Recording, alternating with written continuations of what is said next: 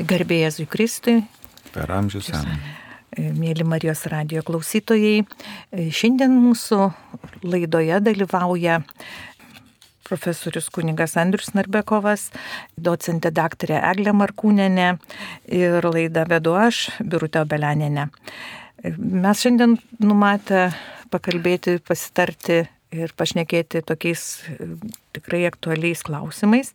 Antradienį Seime turėjo būti svarstomas Lietuvos Respublikos pagalbinio apvaisinimo įstatymo pakeitimo įstatymo projektas, kurį inicijavo Seimo narė Danielė Morgana. Ir esmė tame, kad e, jinai e, inicijavo pakeitimą pagalbinio apvaisinimo įstatymą, jog e, pagalbinis apvaisinimas būtų taip pat ir nesusituokusioms poroms prieinamas ir valstybės finansuojamas ir taip pat vienišoms moteriams. Taigi, kodėl prireikė pakeisti, kaip pati Seimo norė sako, konservatyvų įstatymą ir kaip jinai aiškina.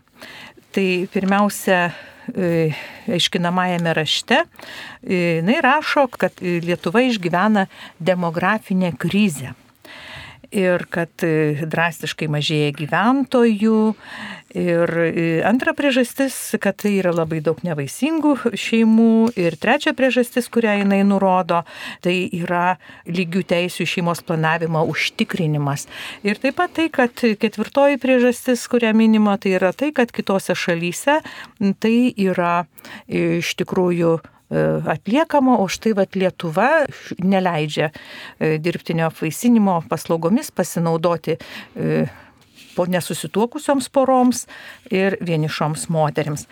Taigi pakalbėsime turbūt daugiau kalbant apie vienišas moteris. Ar tai yra iš tikrųjų, ar tai iš tikrųjų yra būtina ir ar tikrai tai mūsų, kaip pasakyti, demografinė, demografinės problemas tikrai išspręs. E, tai profesoriu Andriu, sakykit, prašau, kaip jūs, kaip jūs galvojate, ar tikrai leidimas e, apvaisinti vienišas moteris iš tikrųjų pagerintų mūsų demografinę situaciją ir pagerintų mūsų gimstamumą? Na, visi suprantam, kad gimstamumas mažėja, demografinė padėtis tikrai blogėja, bet mes pirmiausiai turime pasižiūrėti būtent esmė šito siūlymo. Tai vaikas dabar būtų kaip priemonė arba instrumentas šitai padėčiai keisti arba gerinti demografinę padėtį. Ir vaikas būtent būtų traktuojamas tikrai kaip priemonė ir į vaiko interesus e, čia yra mažiausiai atsižvelgiama. E, valstybė, vat, parlamento nariai kaip tik turėtų rūpintis, e, kaip skatinti šeimas gyvenančias susituokusias poras, kad jie daugiau gimdytų vaikų, kad jie būtų remiami visais įmanomais būdais, kad toje šeimoje tų vaikų būtų daugiau. Pagaliau visa politika turėtų būti nukreipta į tai, kad na, žmonės e, gerbtų vienas kitą, kad e, šeimos būtų stiprios, stiprinti visais įmanomais būdais. O dabar mes kalbam apie labai primityvų metodą arba būdą, kada imsim ir pradėsim dabar dirbtinai apvaisinti vienišas moteris ir tokiu būdu išspręsim demografinę problemą. Šitoje vietoje reikėtų pamatyti dabar, kaip mes traktuojam tą vaiką. Dabar kas atsižvelgs į vaiko interesus. Jeigu būtų galima dabar e, hipotetiškai paklausti, ar tas vaikas norėtų būti taip pradėtas, kad jis niekada gyvenime nesužinos, kas yra jo tėvas, kad jis bus pradėtas laboratorijoje su visom rizikom, kurios yra susijusios embrioną šaldant, jį tenai dirbtinai apvaisinant ir panašiai, tai ar tas vaikas norėtų tokiu būdu būti pašauktas į pasaulį? Naturaliai, kad ne.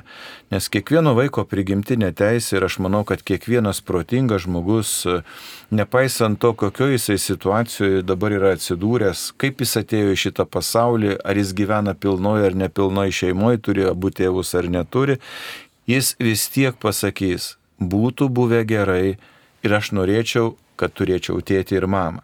Kiekvienas vaikas tą pasakys. Dabar kalbama apie vaikus ir spręsim vat, būtent šitaip mechaniškai e, tos e, demografinius klausimus. Tuos vaikus, e, žinoma, mes jų neatsiklausim dabar, bet jie atsiras būtent planuojant samoningai, kad jie iš anksto žinant, nežinos savo biologinių tėvų.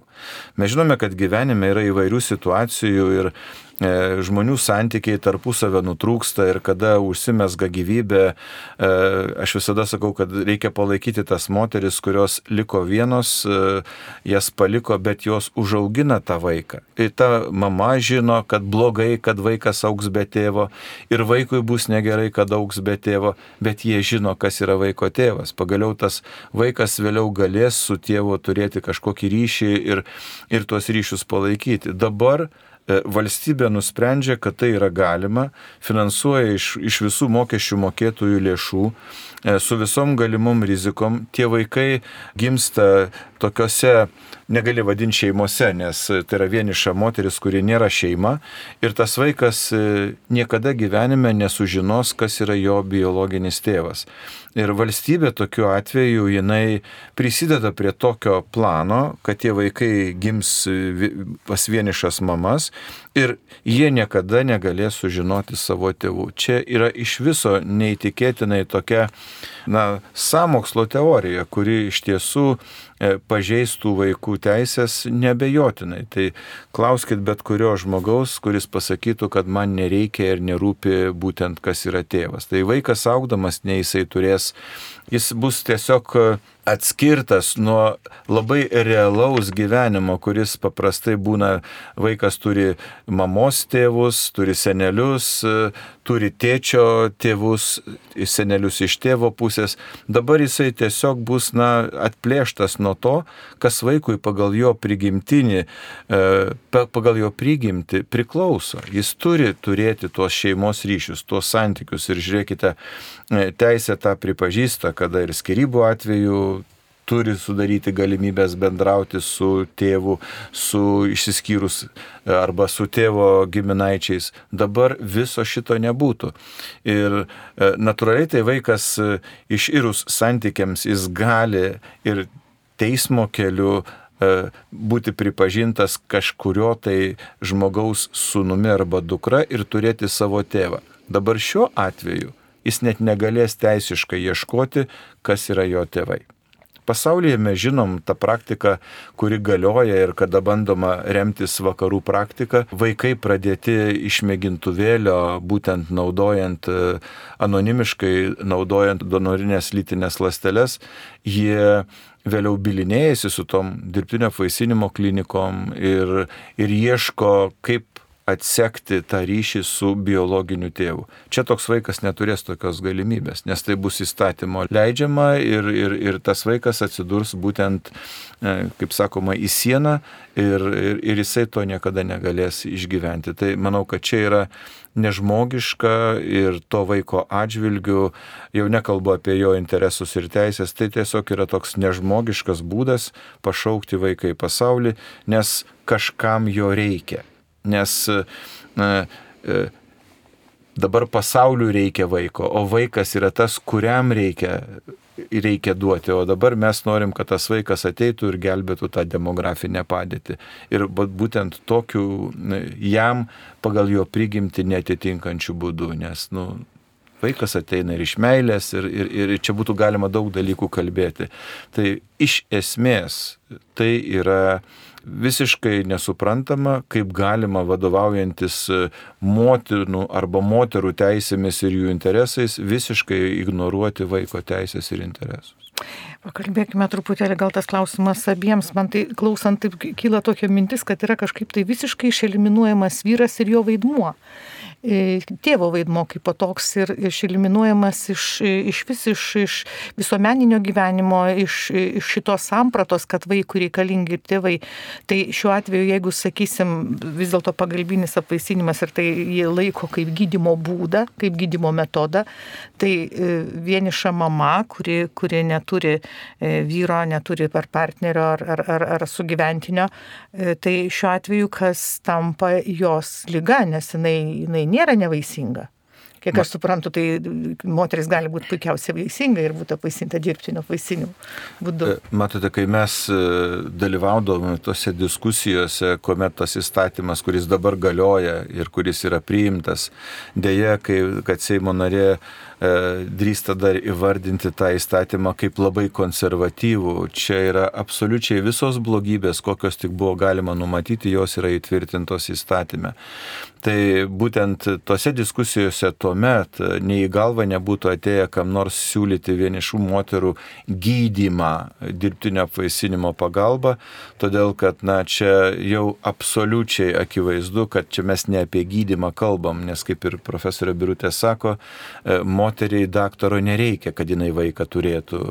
Jai reikia mylimo žmogaus, su kuriuo jin galėtų pradėti vaiką. Taigi čia sakyti, kad dirbtinis apvaisinimas yra gydimo priemonė šiuo atveju, na, absoliučiai yra na, nelogiška. E, apskritai mes e, suprantame, jog tas dirbtinis apvaisinimas kaip toks, jisai nieko negydo.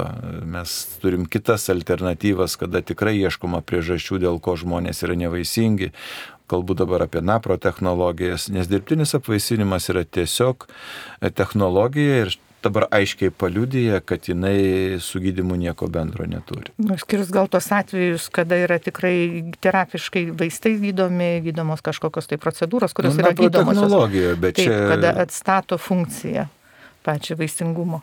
Taip, bet, bet aš sakau, kad man tai toks jausmas, kad stengiamas išeliminuoti vyrą ir jo visiškai sumenkinama yra pačiu šituo e, įstatymo pataisa, tiesiog sumenkinamas tėvo, tėvo vaidmuo ir tėvo statusas visuomeniai. Įdomu, kaip jie tą nuostatą derintų ir su konstitucija, nes konstitucija kalba apie tėvystę ir motinystę, tai šiuo atveju tėvystės kaip tokios apskritai nelieka ir tame dalyvauja valstybė, atimdama apskritai tą galimybę kažkam tapti tėvu. Taigi, kaip sako, kur slypi iš tikrųjų tikroji nauda, kuo ieško. Nors pats pirmas aiškinamajam rašte pat, patys pirmi sakiniai yra, kad tai tarsi valstybinė nauda, e, valstybė gelbės, e, demografija valstybės gelbės ir remiasi netgi, reiškia, pasaulinės veikatos organizacijos nevaisingais duomenimis, nors tarp kitko jie yra duom, ne, ne, nepateikiama tikrų nuorodų, o eina į visiškai, kaip, nu, net jokingai, eina į puslapį kuris e, šitų, šitų skaičių neduoda. E, taigi kitas dalykas yra Bet aš manau, kad profesorė reikėtų čia staptelėti ties to, jūs klausėt, kokia, kam tai galėtų būti naudinga ir kodėl tai yra. Čia, ko gero, irgi nereikia būti kažkokių samokslo teorijų kuriejais, kad mes puikiai suprantam. E, yra siūloma būtent tai, kas būtų paranku asmenims, kurie E, ruošiasi ir dės visas pastangas, kad būtų e, sukūriamos vienalytės e, tos partnerystės ar kaip jos bus įvardintos. Vienišos moterys dabar, kurios yra tam tikruose santykiuose su asmenimis, su kuriais negali pradėti vaiko, tai štai čia yra labai akivaizdu, man yra daugiau negu akivaizdu, kad čia yra labai aiškus siekis e, per visus įmanomus įstatymus e, atverti kelią būtent tos pačios lyties asmenų sugyvenimui kartu.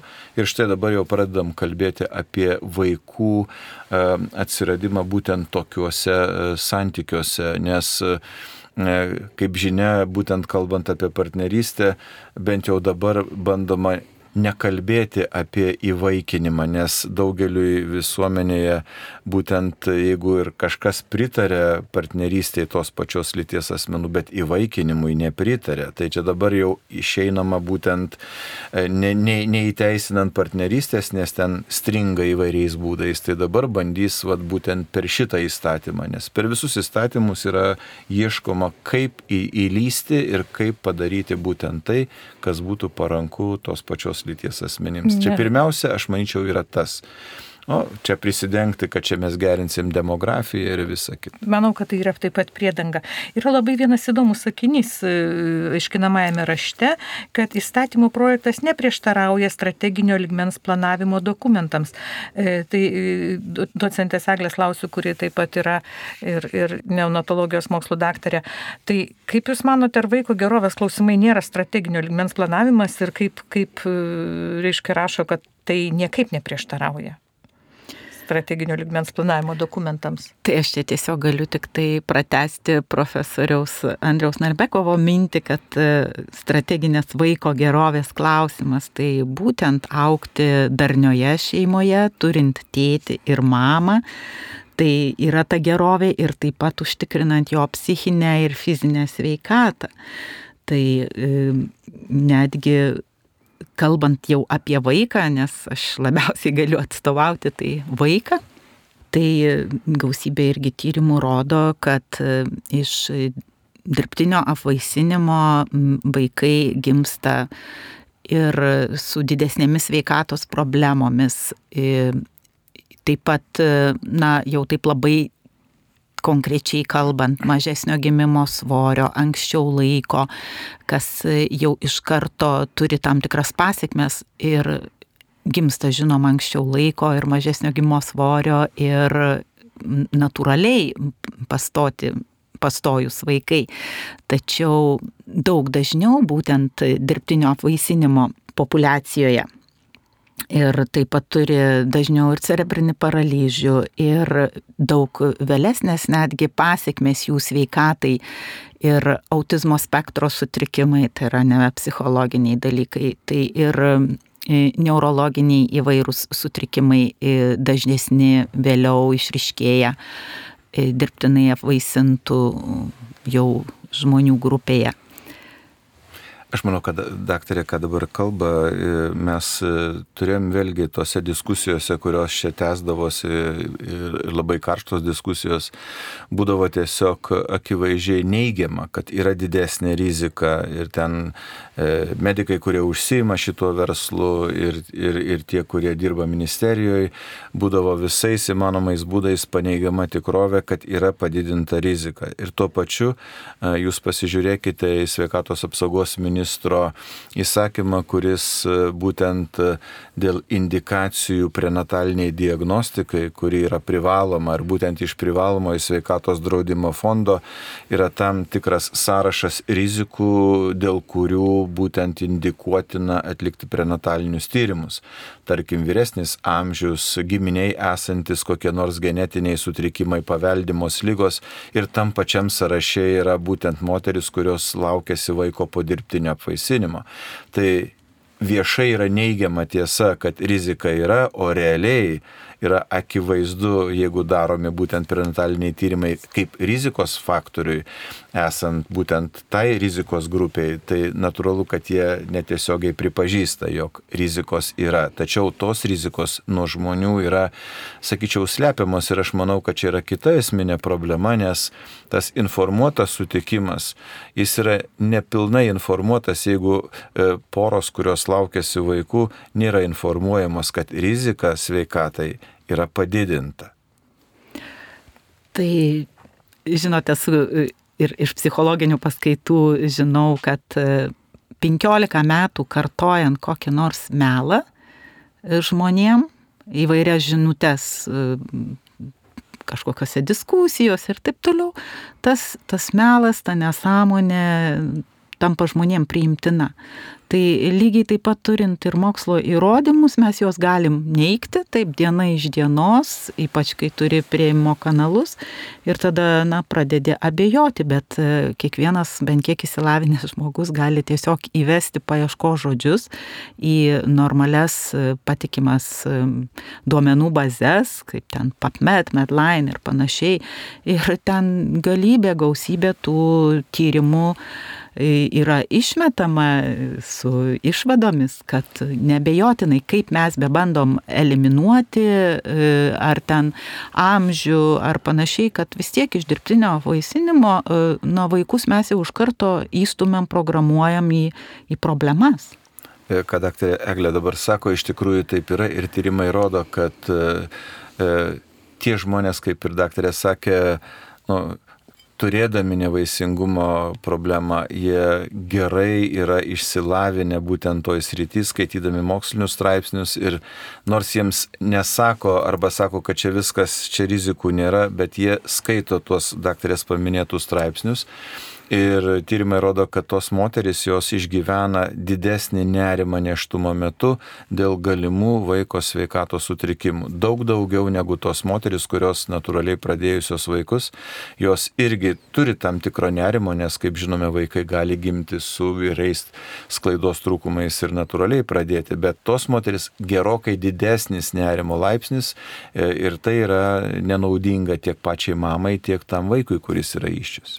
Tai taip, kai kurie tyrimai netgi rodo, kad e, po dirbtinio apvaisinimo jau vėliau e, paaugliai daugiau išgyvena ir, ir, ir depresijos, ir nerimo, tai vėlgi tai yra labai glaudžiai susijęs su motinos išgyvenimu neštumo metu. Ir tą ypač, e, tarkim, pastebi tyrimus atliekant patys tėvai ir mokytojai, nors, tarkim, patys vaikai to net, na, dar paaugliai, žinoma, jie, nu, sunkiai sugeba įvardinti, ar ne, kad jis yra depresiškas, nes dar vis tiek jiem reikia įsilieti į tą visą gyvenimą ir to supratimo dar e, jų, juose pačiuose, kad, o, aš sergu depresiją ar panašiai, tai jis negali tiesiog įvardinti. Bet tai dabar mes kalbam apie sveikatą, bet jeigu kalbėsim apie vaikus, kurie bus pradėti vat vienišų moterų apvaisintos ir vaikai nežinos, kada ir kas yra jų tėvai, tai kokia jų bus psichologinė būsena, taip. kaip jo santykis su ta mama bus, kodėl jinai taip pasielgia, kad jis nežino, kas yra jo tėvas, kad čia bus tiems vaikams užprogramuotos psichologinės problemos. Tai čia yra daugiau negu akivaizdu. Žiūrėkite, aiškinamajame rašte rašo priešingai. Tai leis daugiau asmenų pasinaudoti pagalbinio apvaisinimo paslaugomis ir susilaukti savo biologinių vaikų. Tai prisidės prie šių asmenų psichologinės gerovės ir Lietuvos populacijos didėjimo. Tai reiškia vėlgi tai, kad tai bus kaip tik atvirkščiai, kad tai bus vaikų, kad tai bus asmenų psichologinės gerovės gerėjimas. Na, matote, Psichologinė čia yra, gerovė. Čia, matote, čia yra tokia reklaminė klišė, kuri vat, viskas būtų gerai, jeigu taip ir būtų, bet mes puikiai žinome, kad ta psichologinė būsena visame šitame procese aš galėčiau vardinti konkrečiais pavyzdžiais jau iš Lietuvos, į kokią krizę tie žmonės patenka po visų dirbtinio apvaisinimo procedūrų. Dėl kiaušidžių hiperstimulacijos, tos moteris po reanimacijas, jos, jos vos išgyvena, toliau yra užšaldyti embrionai, toliau yra E, ką, ką su jais daryti. Tos procedūros galima kam nors atrodyti, kad jeigu mes darysim dirbtinį apvaisinimą, tai visos nevaisingos šeimos turės vaikų. Netiesa. Geriausiose pasaulio klinikose tie procentai nesiekia net 30 procentų. Nors pas mus, kai pasižiūrėtumėte reklamas, jau kalbama net apie 80 procentų. Ir tai yra melas. Tai reiškia, kad pagerės būtent ta psichologinė situacija. Tai tyrimai rodo, kad būtent nepavykus tom dirbtinio apvaisinimo procedūrom o jos, pabrėžiu, dažniau nepavyksta negu pavyksta, tai tie žmonės yra įstumiami į tam tikras didžiulės krizės ir, ir moksliniai tyrimai sako, kad tos depresijos prilyksta savo intensyvumu tokiom depresijom, kada žmonės susirga mirtina nepagydoma lyga. Tai čia kalbėti, kad čia pagerės psichologinis klimatas arba psichologinė sveikata yra absoliuti netiesa. Bet žiūrėkit, yra dar vienas, vienas dalykas, apie ką kalbėjo Bogdanskinė, kuri turi, yra vaisingumo klinikos e, e, įkūrėja specialistė ir viena pirmųjų Lietuvoje pradėjusi šitą verslą. E, tai jinai reiškia aiškina, vienišos moteris, joms nebūtinai reikalinga in vitro fertilizacija, jeigu jos yra, pavyzdžiui, vaisingos. Ir jinai pati taip sako, mes Lietuvoje turime kelis spermos bankus. Tai kodėl negalima leisti patalpinti spermą į moters gimtą, jinai kalba apie intrauterinę inseminaciją, jei moteris prisėmė atsakomybę viena auginti vaiką. Tai ta intrauterinė inseminacija yra žymiai pigesnė negu kad. Tai žinoma. Ir praktiškai jiems tai yra visiškai lengva procedūra ir, kaip sakoma, greiti pinigai. E, kodėl negali gauti gydimo, jinai sako gydimo, kaip ir visi kiti žmonės. Tai va čia dabar, nu, vis tiek Nu, tiesiog reikia kalbėti apie tai, kas tai yra ir visiems bus aišku, koks čia dabar gydimas. Reiškia, ta moteris, kuri neturi vyro ir bus apvaisinta su sperma iš to donoro, kuris tuose bankuose yra palikęs savo lytinės lasteles. Tai ką čia dabar mes gydom? Ta moterį gydom, tą vyrą gydom. Ne, vyro nėra. Čia su gydimu absoliučiai nesusijęs dalykas yra. Čia gydimu vadinti to mes absoliučiai negalim. Na, kalbėkime apie klinikas, kurios yra pelno siekiančios, tai yra jos neslepia šito ir, na, suinteresuoti, kad tų procedūrų būtų ir kad jie, na, jų verslas klestėtų. Ir aš labai, labai, labai atidžiai perklausiau, perklausiau visą kaip tik vat, šitą interviu. Ir toliau Bogdanskė nesako, kad tai išgelbės Lietuvos demografiją ir čia pat falsifikuoja duomenis. Tai yra, jos klausia, kiek per metus yra gimsta vaikų iš, iš dirbtinai apvaisintų, jinai sako apie tūkstantį ir dar sako, kiek į užsienį išvažiuoja, tai maždaug susidaro sudaro daugiau nei 3000, tai yra 10 procentų e, vaikų gimsta e, dirbtinai apvaisintų. Tai čia e, iš dirbtinai apvaisintų, tai čia yra visiškai pakeisti duomenys, todėl kad oficialiai Nuo tada, kai buvo pagalbinio apvaisinimo įstatymas priimtas, per 3,5 metų Lietuvoje tokiu būdu gimė 1212 vaikų, o Bogdanskė nesako, kad per metus 1000. Taigi iš tikrųjų tai yra ir, ir šitas, vat, kaip pasakytas, falsifikavimas duomenų ir pritempimas, kad prie demografinės problemos gerėjimo yra pastebimas ir ne vieną kartą ir ne tik jos, ne tik jos e, kalboje.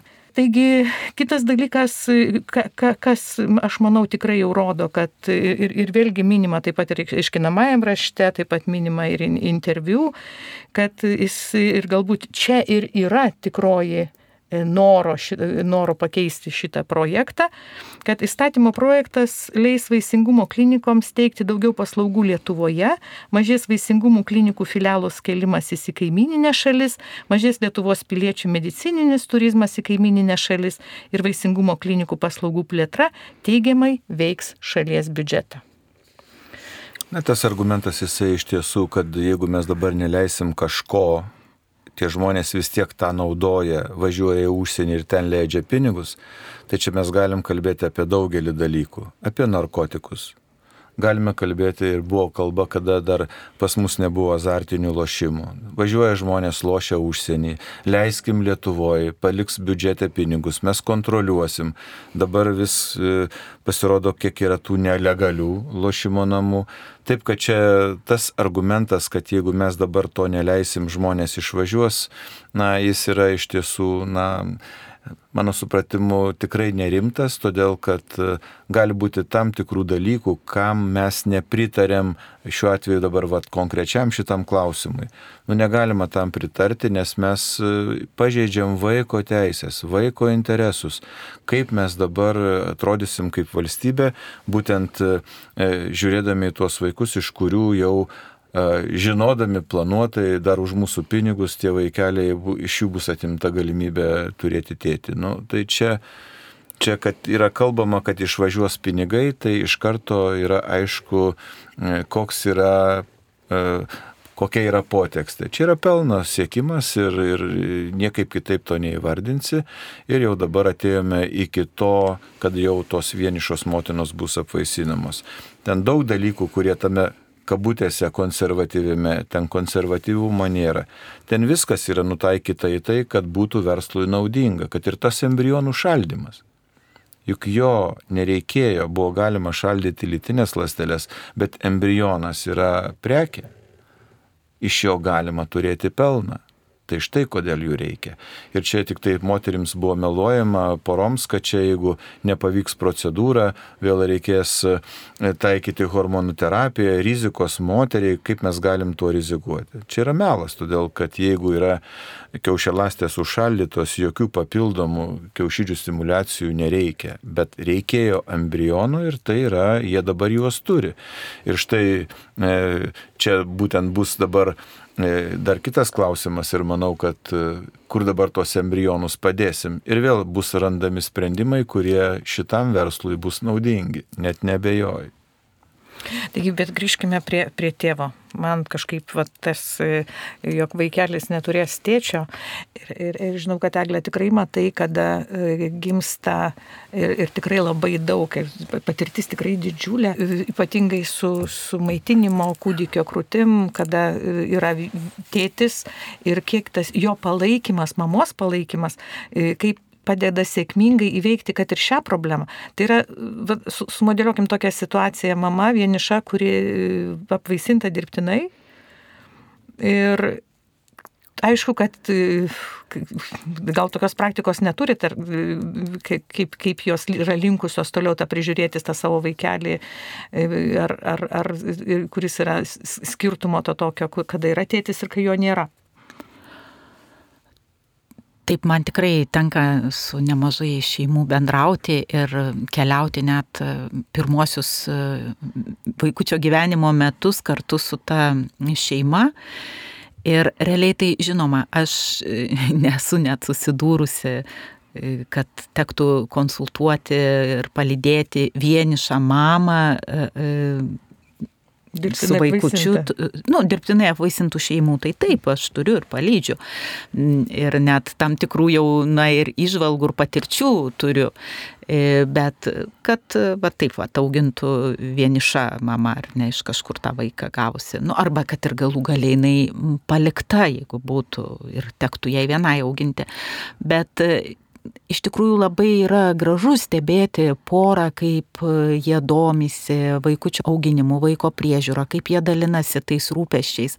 Nes iš tikrųjų po gimimo tai vaikutis pakeičia visą šeimos gyvenimą, visus santykius ir tiek mamai, tiek tėčiui reikia naujai viską kurti, save atrasti, e, savo vietą ir kaip gražiai tėčiai atranda ar nepadėdami tai mamai, jinai pamaitina, pavyzdžiui, jis jau paima e, panešioti pakeisti vystiklus ir vaikučiai jau visiškai skirtingai reaguoja, kai jie ant tėčio rankų.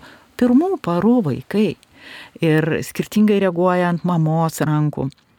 Ir taip kūrėsi tie normalūs e, e, ryšiai. Ir mamai tikrai po gimdymo pirmą mėnesį reikia ypatingo palaikymo ir pagalbos. Ir dėl tų pogimdyvinių depresijų ir dėl tikrai naujų patirčių ir iššūkių ir nebūtinai su pirmu vaikučiu, ir su antru, ir su trečiu, nes kiekvienas vaikas yra kitoks, kiekviena karta ir situacija yra kitokia. Ir tėvo vaidmuo yra tiesiog, na, milžiniškas. O šiaip apie neštumą netgi kalbant, tai e, psichologai netgi įvardina, kad nu, labai tikrai trūksta tyrimo, kaip tėtis išgyvena e, tą neštumą ir jis yra atsakingas dvigubai. Ir už tą vaikutį, ir už mamą. Ir e, tai kai kurie psichologai įvardina, kad e, tėtis yra dvigubai neščias. Tai reiškia, jis jo kaip vyro, kaip tėvo, nerimas, įtampa, jinai yra, na, dvigubai didesnė. Ir jeigu, nu, mes nerošiam, neaugdom tiem dalykam, tai tikrai kiti vyrai, bet net laiko, ar ne, ypač jeigu tai nėra susituokę, tai, nu, tai aš tau nieko nepažadėjau, maždaug būk tu čia pati ir palieka su, ta, su tuo vaikeliu. Taip, aš, aš manau, kad tie visi sunkumai, kuriuos daktarė dabar mini, e, iš tikrųjų yra ir, ir, ir kiekviena tą išgyvena. Bet e, vis tik tais e, tos moteris, kurios galvoja, kad aš noriu turėti vaiką, vis dėlto yra toks, na, egoistinis požiūris, Taip. E, aš noriu. Vaikas tai nėra daiktas, kurį tu gali turėti. Tu, tu gali ten to, ko tu nori įsigyti, tai kas nėra žmogus. Bet dabar čia šiuo atveju mes kalbam konkrečiai. Aš noriu turėti vaiką. Ir aš turiu teisę jį įsigyti.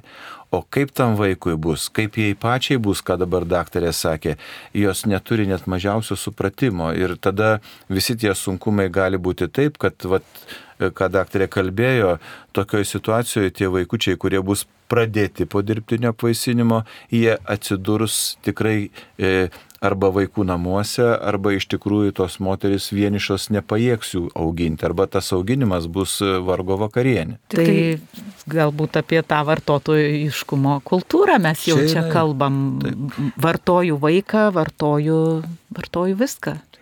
E, tik tai dar kartą noriu priminti, kad, e, kad mėly radio klausytojai nesusidarytų tokio įspūdžio, tarsi e, mama auginanti vaiką, mes kalbam apie tok, to, tokią situaciją, kada mama pati programuoja blogą gyvenimą vaikui. Tai yra, kada jinai, e, būdama, neturėdama e, e, nei sutoktinio, nei partnerio, jinai tiesiog dirbtiniu būdu nori įsigyti vaiką. Tai nėra tas pats, tarkim, kada buvo užmėgsti santykiai ir moteris draugavo su vyru ir, ir, ir, ir, ir susilaukė vaiko ir atsitiko taip, kad santykiai nutrūko. Tai yra ne tas pats kaip dirbtinas apvaisinimas. Mes visada tą ir pabrėžiam, kad tai yra netgi pagirtina, kada moteris, e, būdama neščia ir palikta, jinai ryštasi vaiką gimdyti ir auginti. Tai yra tiesiog, na, jinai imasi tą ir atsakomybę, ir tą meilę vaikui jinai turi dvigubai duoti.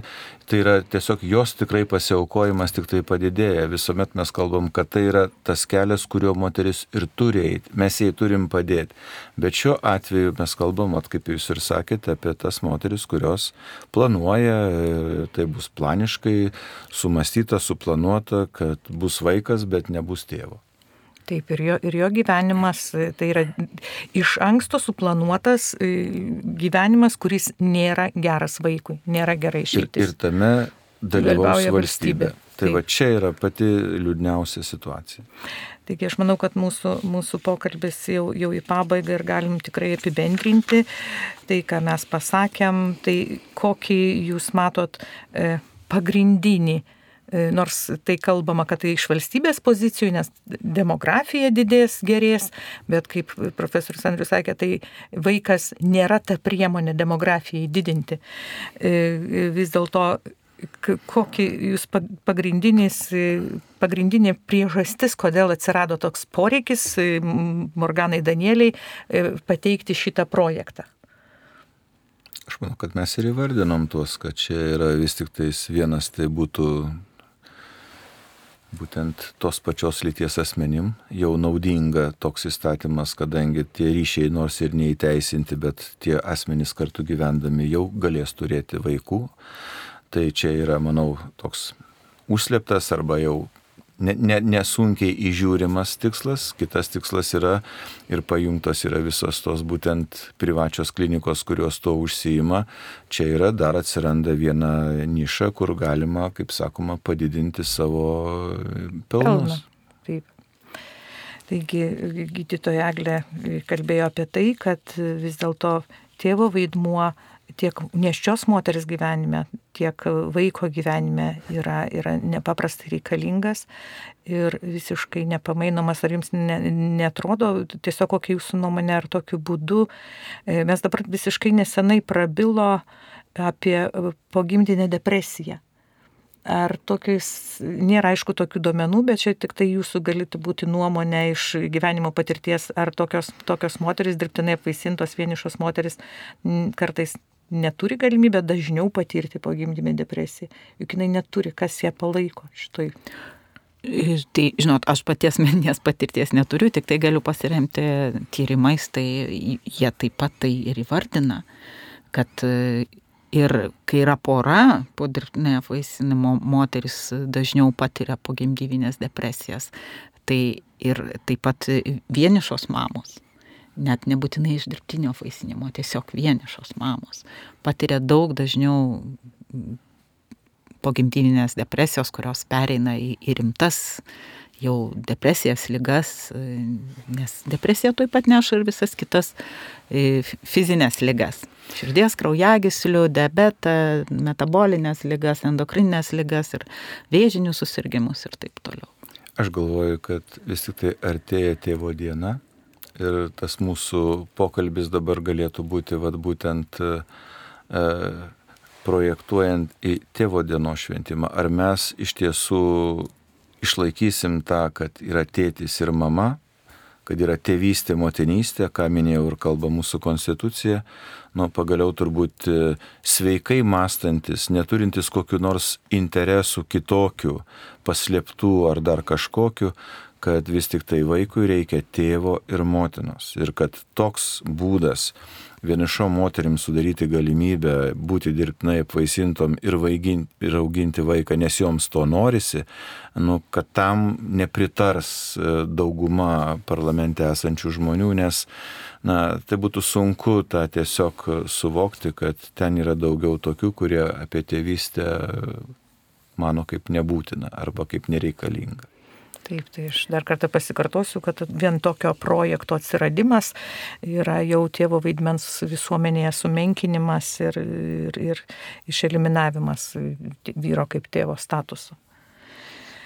Tai tėvo dienos proga net ir norėtųsi palinkėti tėvai, išlyskit, išeikit vyrai į gatves, pasirodykit tėvo dienos progą ir pasakykit, mes esame, mes norim būti tikrais tėvais, mylinčiais tėvais, globojančiais savo moterį, vaiko mamą ir tikrai mes na, kaip yra feminizmas, tai gal maskulizmas turi būti kažkas.